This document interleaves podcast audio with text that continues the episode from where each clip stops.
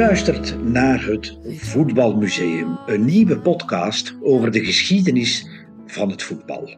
Onder het motto: Het verhaal is belangrijker dan het resultaat. Jawel. Mijn naam is Raf Willems, voetbalhistoricus en auteur van talrijke boeken en blogs over het spel om de bal. De eerste serie behandelt het volgende thema: België 1920 de eerste wereldkampioen voetbal, een vergeten sociale geschiedenis. Over de Rode Duivels, die in 1920 de gouden medaille pakten op de Olympische Spelen van Antwerpen en dus als eerste wereldkampioen werd beschouwd door de internationale media van toen. Deze serie bevat vijf afleveringen en is verbonden met de online platformen De Witte Duivel en boekenvoetbal.café. Veel luistergenot gewenst.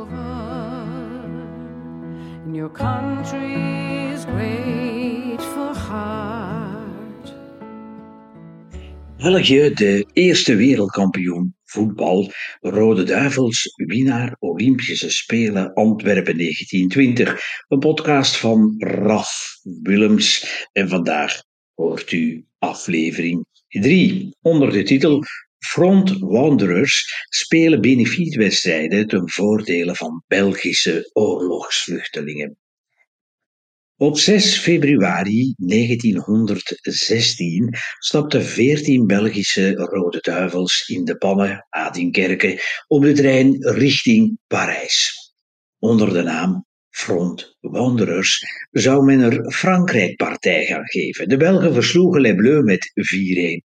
Armand Zwartenbroeks was een van hen. Dat ziende hem wel. Hij zag er een project in dat de aandacht van de ellende zou afleiden en het leed zou verzachten het leed van de ellendige oorlog. En dat paste bij zijn levensbeschouwing. Hij was 22 jaar toen de oorlog uitbarstte en studeerde geneeskunde aan de Université Libre de Bruxelles. Hij geloofde in het humanisme als filosofie. En dat verbond hij met medische hulp aan getroffenen van het geweld, maar ook met voetballen voor het goede doel.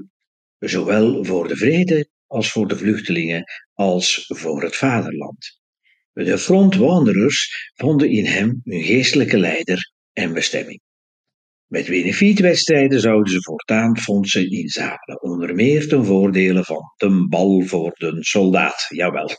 Maar tegelijk ook om het lot van Belgische vluchtelingen in het buitenland, voornamelijk Groot-Brittannië, te verbeteren.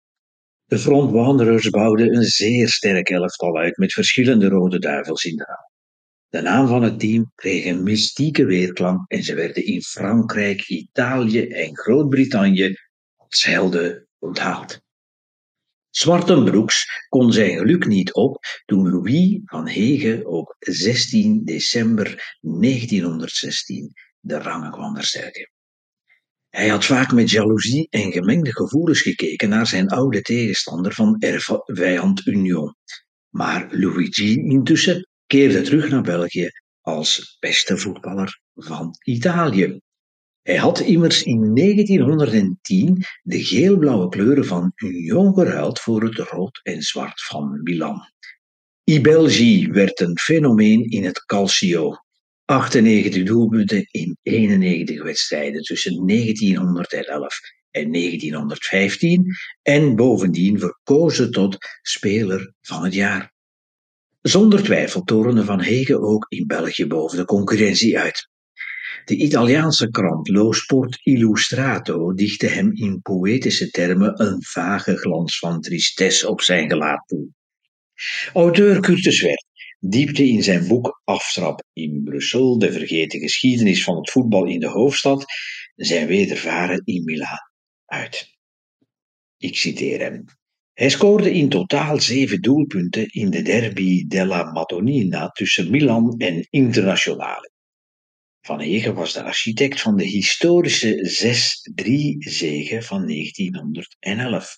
Luigi gaf vorm aan de prille Italiaanse voetbalidentiteit en combineerde techniek en snelheid op een sierlijke wijze en dat had men in de laars nog nooit gezien.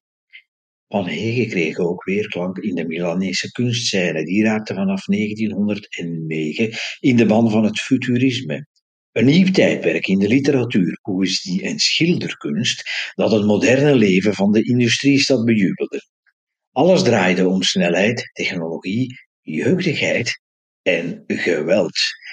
Umberto Boccioni schilderde in 1913 zijn dynamiek van een voetballer, gebaseerd op Van Hege en zijn klasse Excelsa. Italië belandde pas in mei 1915 in de oorlog. De situatie in België liet Van Hegen niet onberoerd. Hij deed een oproep om benefietwedstrijden te spelen voor Belgische vluchtelingen. In december 1915 volgden 5000 toeschouwers een partij van Milan. Hij reageerde bijzonder geëmotioneerd. La Gazzetta dello Sport noteerde over het tafereel Vrienden, tegenstanders, autoriteiten en een hele menigte eerde de Belg met een spontane hommage aan het ongelukkigste volk. En de atleet met het bleke en vriendelijke gezicht heeft geen woorden, hij verroert zich niet, hij beweent in stilte zijn hele verdriet, al dus Lagazetto. In de winter van 16 veranderde dus zijn hele wereld. De beste speler van Italië belandde als infanterist aan de ijzer. Tot zover het citaat van auteur Curtis Wert. Van dan af wist Armand Zwartenbroeks dat de sportieve mogelijkheden van zijn frontwanderers ongekend waren. Van Hegen was op dat ogenblik immers de topper van het Europese continent. De frontwanderers tilden de traditie van liefdadigheidsoptreden naar het niveau van interlandvoetbal. Ook al waren het geen officiële partijen, er werden sterke tegenstanders geprogrammeerd. In april 17 passeerde men opnieuw langs Parijs, 1-3 winst. En in juni 17 trok men met de trein vanuit Adinkerke naar de streek van het Como-meer, waar Italië 3-4 winst, Modena 0-5 winst en Milan 6-4 verlies als gastheren optraden. Tijdens de terugkeer kreeg de Brits-Canadese selectie in Frankrijk nog een 7-0 om de oren. En in november 1917 volgde dan de allerbelangrijkste tournee, met liefst zes matchen tussen 15 en 29 november in de stadions van Folkestone, 1-6 tegen Canada gewonnen, Chelsea Stamford Bridge in Londen, 4-1 verlies, Everton Goodison Park in Liverpool, 1-2 winst, Aston Villa Villa Park in Birmingham, 1-4 winst, Manchester United, Old Trafford in Manchester 1-1 gelijkspel. En Celtic Glasgow, Celtic Park in Glasgow 1-2 winst. Vier zegens dus, één nederlaag, één draw. En duizenden naar Groot-Brittannië uitgeweken Belgen moedigden de frontwanderers aan. Een zogenaamd Belgisch dagblad in ballingschap, dat in Londen werd verspreid, gaf als impressie mee, ik citeer, met diepe ontroering hebben enkele duizenden Belgen die zich naar het terrein van de club Chelsea voetbalclub begaven, van in de stamvolle tribunes, de beruchte Rode Duivels, zoals zij in vredestijd genoemd werden, zien verschijnen in de rode trui van ons nationaal elftal. Einde citaat. Celtic Voetbalclub ondernam op zijn beurt een gelijkaardig initiatief in respectievelijk 1915, 1916, 1917, speelde de toenmalige Schotse kampioen benefietwedstrijden tegen de zogenaamde Rest of Scotland, telkens voor meer dan 40.000 fans. Ten voordele van de naar schatting 20.000 Belgen die voor de oorlogstragedie naar Glasgow waren gevlucht. In de loop van 1918 staken de frontwanderers nog twee keer de Noordzee over voor drie andere partijen. In totaal telde het palmares 16 ontmoetingen, drie in Italië, vier in Frankrijk en negen in Groot-Brittannië. Dat het er ook vaak vrolijk aan toe ging, toonde speler, medebezieler en latere bondscoach Hector Goetink in zijn boek Voetbalanekdoten. En ik laat hem hier even aan het woord. We werden in Milaan ontvangen zoals prinsen. We waren de eerste Belgische soldaten die men daar te zien kreeg. Iedere Italiaan wou een speler mee naar huis nemen om hem te herbergen. Wij moesten dadelijk van het station naar de opera, waar er een gala-vertoning gegeven werd tot onze eer. We namen plaats in een loge en werden stormachtig toegejuicht en beladen met bloemen. We logeerden in Hotel l'Europe en gedurende de drie dagen dat we daar vertoefden, waren er gedurig samenscholingen voor ons hotel. We speelden de wedstrijd tegen de Italianen op de Arena in Milaan. Het was geweldig warm en na een felbetwiste partij wonnen we met 4-3. Jan van Kant van Racing Mechelen was de held van de partij, want hij scoorde nog tweemaal als de stand 3-2 in het voordeel van Italië was. Tot zover de leuke memoires van Hector Torten Goeding. Armand Zwartenbroeks daarentegen bekeek de fratsen eerder van op afstand. Hij dacht altijd een stap vooruit. Net zoals op het veld waar hij als verdediger nota bene geroemd werd om zijn fair play. Hij vermeed veel duels door zijn uitstekende anticipatie en ontwikkelde zich tot een vroege meester van het positiespel. In 1913 leek het er sterk op dat Antwerpen gaststad zou kunnen worden voor de Olympische Spelen van 1920. De oorlog trok een streep door deze aspiraties. Maar bij het einde van de troosteloosheid deed zich misschien een nieuwe kans voor. En zouden in dat geval de Front Wanderers geen mogelijke medaillekandidaat zijn.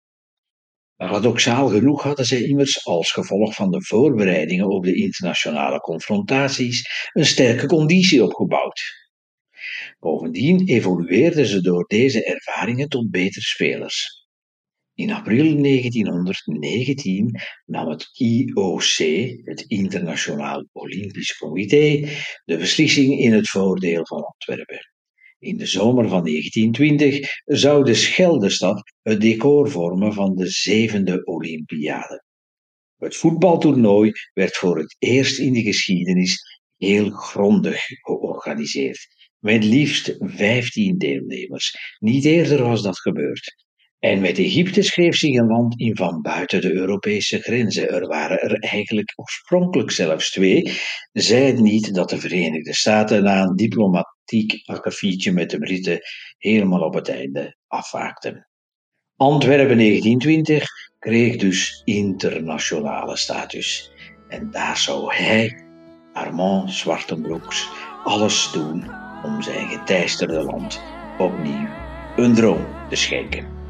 Dit was aflevering 3 van het uh, thema België, de eerste wereldkampioen voetbal. Rode Duivels, winnaar Olympische Spelen Antwerpen 1920. Ah, young can you see now why?